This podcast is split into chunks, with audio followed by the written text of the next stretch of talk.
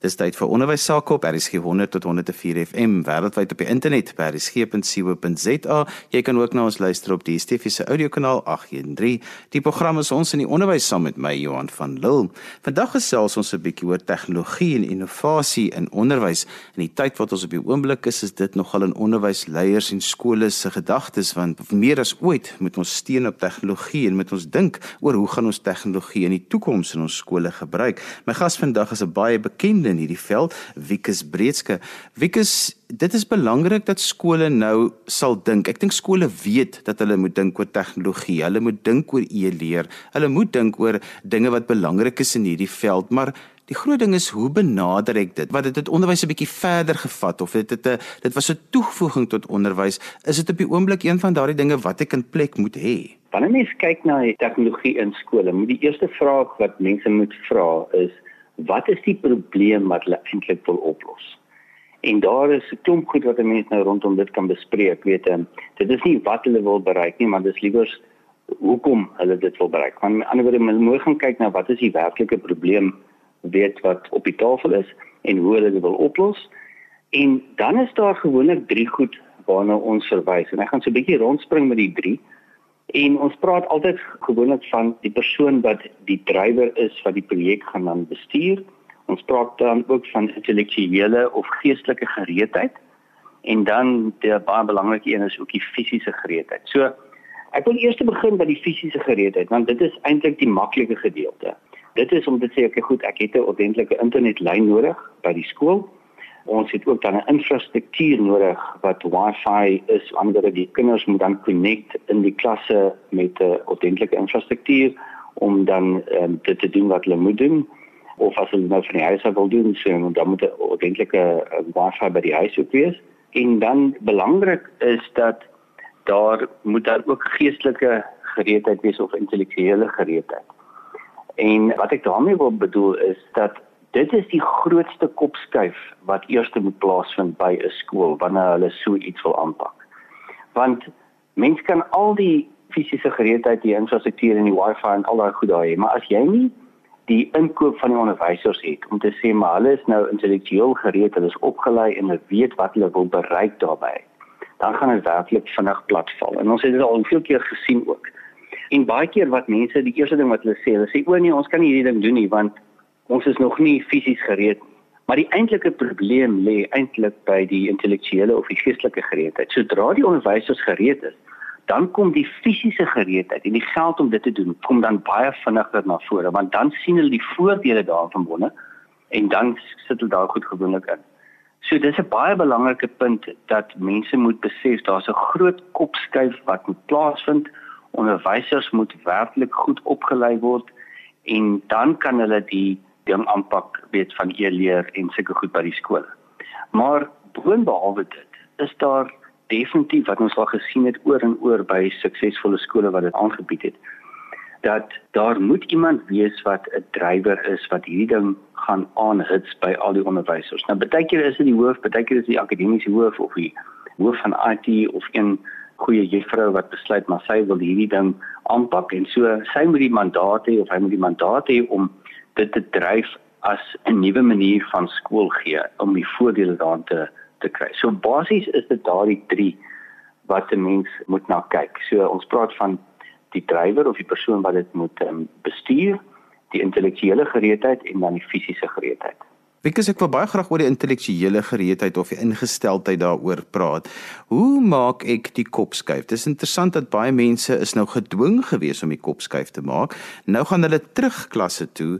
Mense kan ook nie aanneem dat mense wel nou daardie kop skuif gemaak het nie. So hoe maak 'n mens daai kop skuif? Jong Johan, dit is 'n um, ehm, dis 'n baie belangrike vraag. Weet jy as 'n mens die die magie daarvan gehad het met dan sou dit baie maklik gewees het. Maar dit gaan maar oor baie keer die kultuur by 'n skool weet wat eers bestuur moet word en daar's 'n veranderingsbestuur program wat moet plaasvind. En um, snaaks genoeg weet as jy kyk na goed soos Yuval Harari wat ehm, 'n um, professor is, weet wat boek geskryf het 21 Lessons for the 21st Century.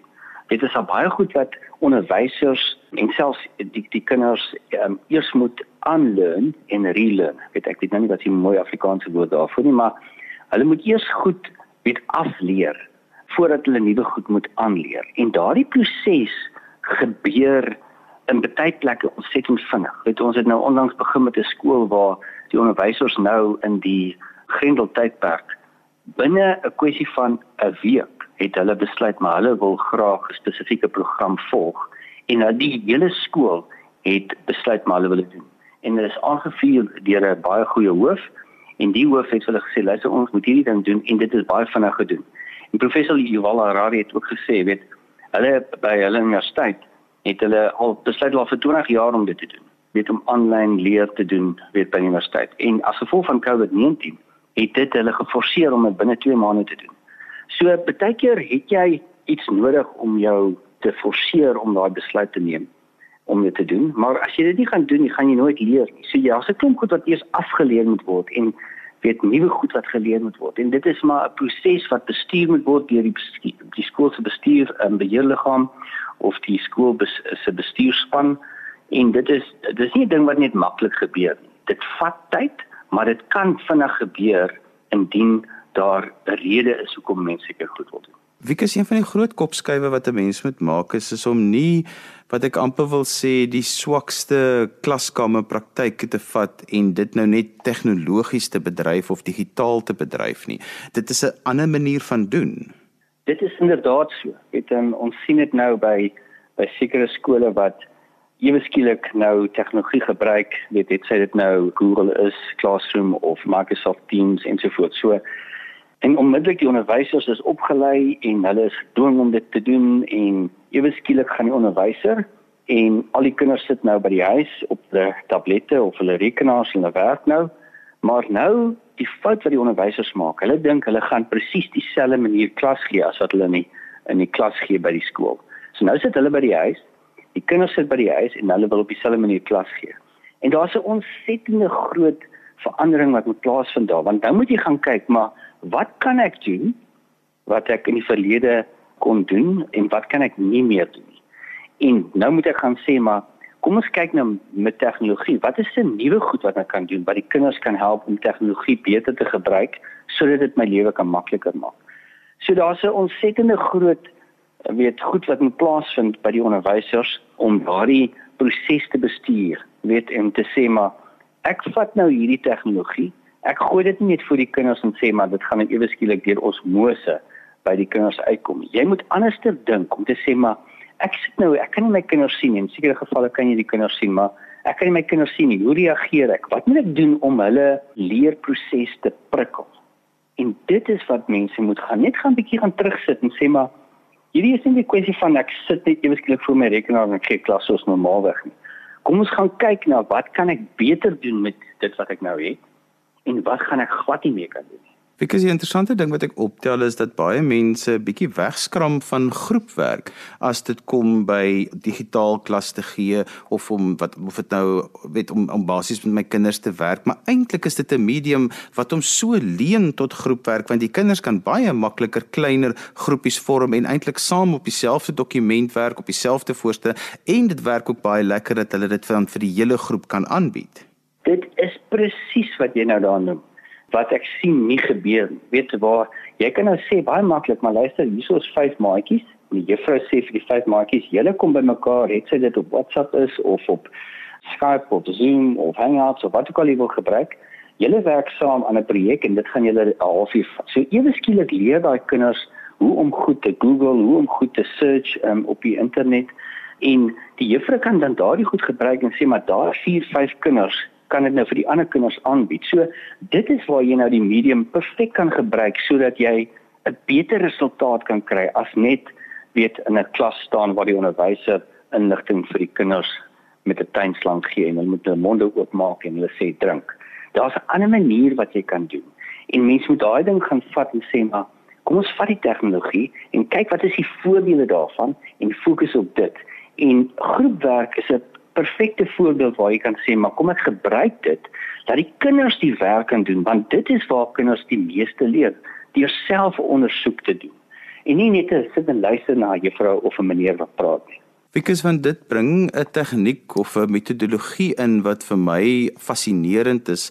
Hulle noem dit vrye leer en alhoewel ek dink enige oomblik as 'n onderwyser hoor vrye leer dan dan raak jy so 'n bietjie angstig, maar dat kinders baie meer vryheid het om te leer binne so 'n omgewing.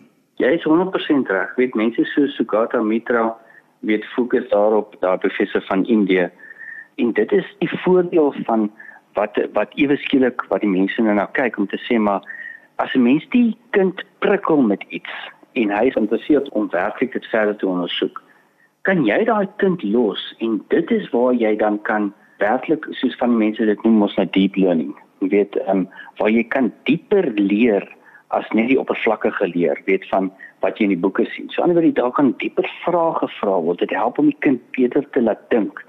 En daai free learning gee die kind dan die die die die opsie om te sê maar weet jy wat? Ek hou van hierdie. Ek wil 'n stuk geskiedenis leer van die Tweede Wêreldoorlog maar ek hou baie meer van gebeure so ek gaan fokus op die gebeure die ander kind kan miskien fokus op die ehm um, oor die die die tanks wat gebruik is daar ehm um, en ander kinders kan miskien gaan werk oor die vliegtye wat gebruik is daar. So daar dit is waar daai deep learning kan in, kan inkom en dit is deel van die vrye leer manier om te sê maar gee die kind die rigting waartoe hy moet gaan, maar laat hy self gaan verder ondersoek instel in daardie spesifieke veld. En free learning of um, vrye leer is, is ontsettend belangrik en mense kan dit baie baie goed gebruik met tegnologie. Ons gesels vandag in ons in die onderwys oor tegnologie en hoe mens tegnologie in die onderwys kan gebruik veral in hierdie tyd wat almal se koppe nou nogal geswaai is in die rigting van tegnologie. My gas is Wikus Breeske en hy's 'n baie bekende in hierdie veld. Wikus want baie mense dink ook en ons het nou al baie in die eerste gedeelte gesels oor die ingesteldheid, maar baie mense dink dat tegnologie eintlik net vir jou hulpbronne verskaf. En ek is altyd so ek ek is altyd so versigtig om net dit te sê. Dit kan vir my miskien 'n e-leer handboek gee of dit kan vir my 'n inligtingbron gee, maar die digitale omgewing is soveel meer as net hulpbronne. O ja, Johan, dit is definitief baie meer as net hulpbronne. Dit gaan oor dit gaan vir my oor, weet om te sê maar ek gebruik altyd die voorbeeld, weet toe ek in Johannesburg aangekom het in in in 2000 Die eerste ding wat ek gaan koop het was 'n kaartboek. En ek het 'n kaartboek van die Witwatersrand gekoop. So wanneer jy ry, blaai jy na bladsy 44 toe. En dan gaan jy na die volgende een toe en dan sien jy o, ek moet na bladsy 102 toe gaan en dan volg ek net terwyl ek ry. Daar is vandag nog steeds mense wat so werk. Maar wat kan 'n mens eintlik gebruik? Mense kan goed gebruik soos Waze of um, Google Maps wat jou presies kan sê, maar luister, oor 2 km is al 'n ongeluk. En as gevolg daarvan vat liewer sy 'n afrit voordat jy by daai ongeluk kom sodat jy vinniger by jou bestemming kan kom. En dit is vir my 'n weet 'n voorbeeld om te sê maar gebruik die hulpbronne tot jou voordeel. Om te sê maar wat kan ek vir kinders kan kan gee? Daar's sekere goed soos weet wat jy YouTube um, kan gebruik om vir kinders wiskunde te verduidelik of 'n wetenskap taak of 'n wetenskap eksperiment. En daai hulpbron gee vir die kind toegang om dit oor en oor te kyk. Nie net een keer in die klas nie en en daai kind was miskien siek en hy jy het dit nie gesien nie. Nou kan kinders daai eksperiment sommer opneem op hulle foon met mekaar en deel of hulle kan by die huis sit en juffrou kan sê gaan kyk 'n bietjie op Google. Waar kan jy die beste eksperiment kry van koolstofdioksied wat met een of ander element gemeng word. Wat is die beste ene en kom kom deel dit met ons môre.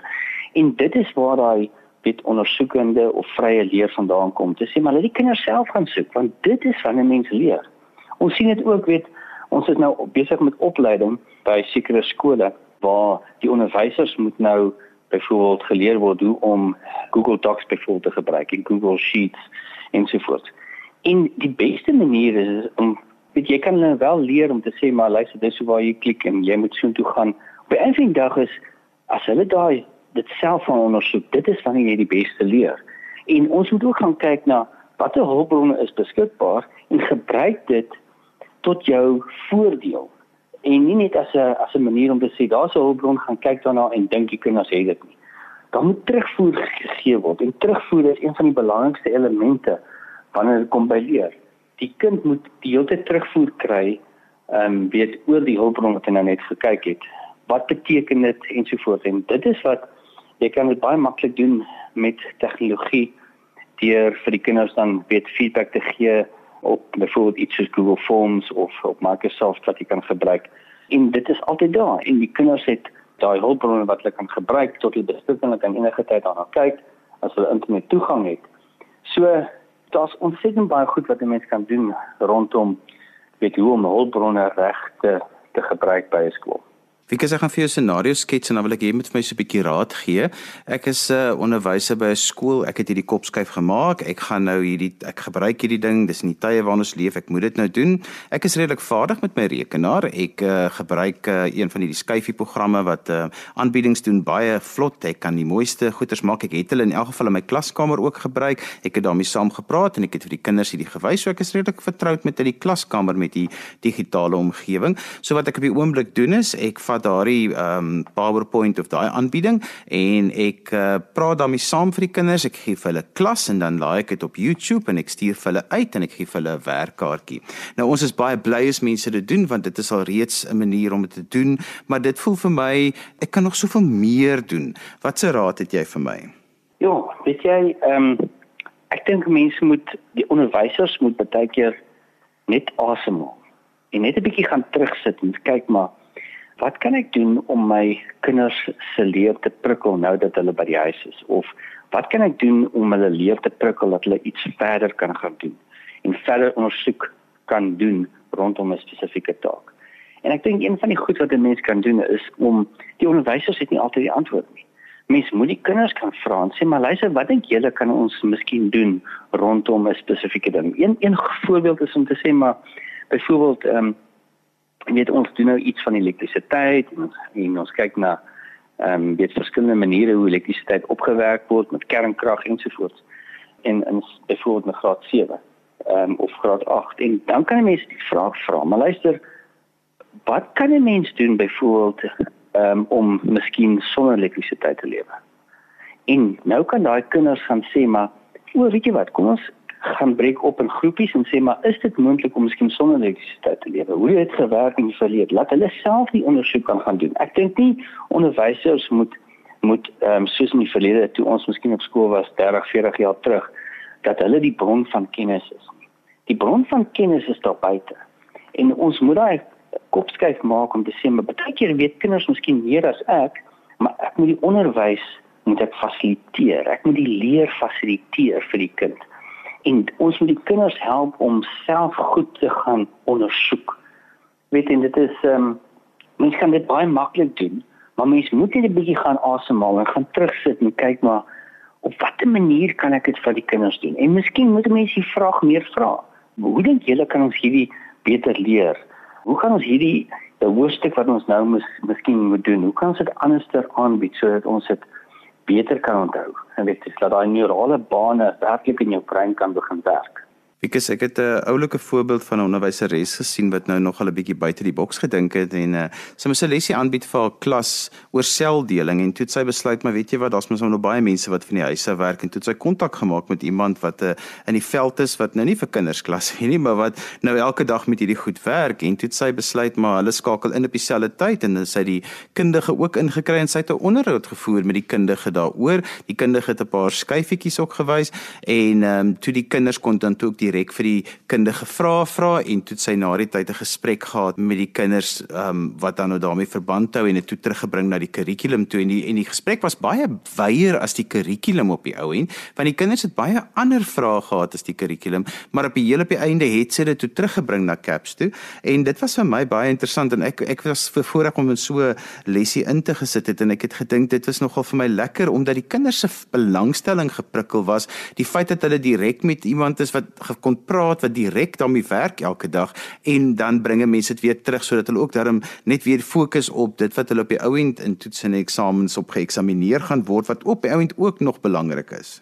Dis 'n perfekte voorbeeld. Jy weet, as ek mense na sulke goed luister, dan kry mense sommer hoop vir vir onderwysers wat sulke goed doen. Ek dink dit is briljant. Weet baie van die CEOs en finansiële direkteure en bemarkingsmense en en operasionele hoofde ensovoorts sit by die huis en mense kan hulle nou gebruik en sê maar luister ek het jou tyd nodig van 10 tot kwart tot 10 kom sê vir ons iets oor chemiese ehm um, werking van spesifieke elemente en verduidelik wat doen jy in jou veld. Weet jy, ek dink dis 'n briljante manier om dit te doen. So en dit is presies hoe jy tegnologie kan gebruik.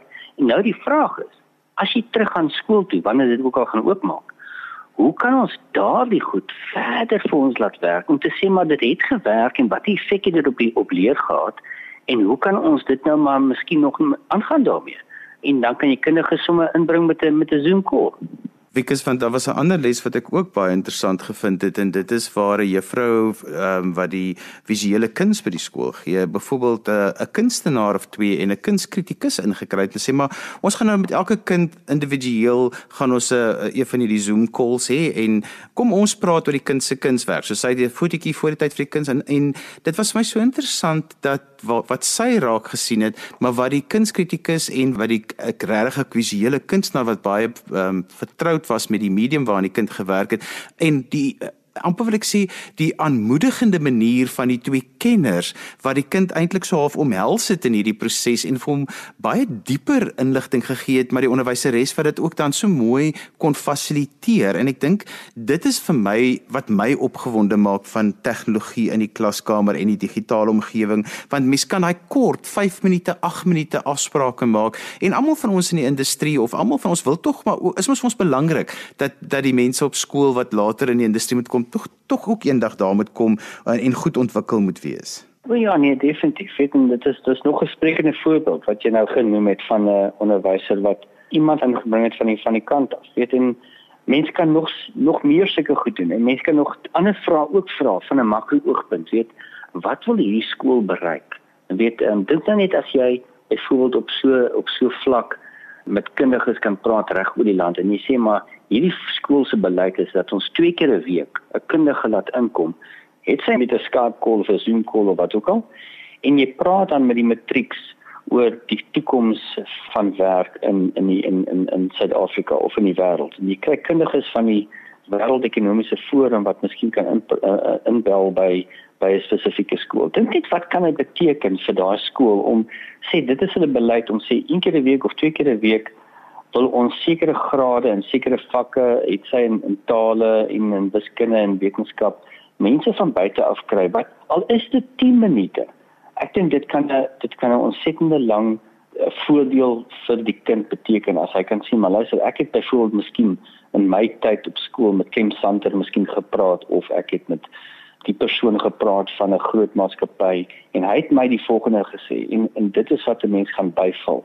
En ek dink dit is belangrik dat 'n mens seker goed doen, weet as deel van jou leerproses. Wikus, ek weet jy help graag skole, so as mense met jou wil kontak maak, hoe kan hulle dit doen? Hulle is welkom om my uh, e-pos te stuur by wikus@dimos.co.za. Dis wikus w i k u s @dimos.co.za. En daarmee het ons gekom aan die einde van vandag se ons in die onderwys. Onthou jy kan weer na vandag se program luister as 'n pot gooi. Laat dit af by resgep.co.za. Skryf gerus vir my e-pos by Johan by vvmedia.co.za. Dan groet ek dan vir vandag tot volgende week van my Johan van Lille. Totsiens.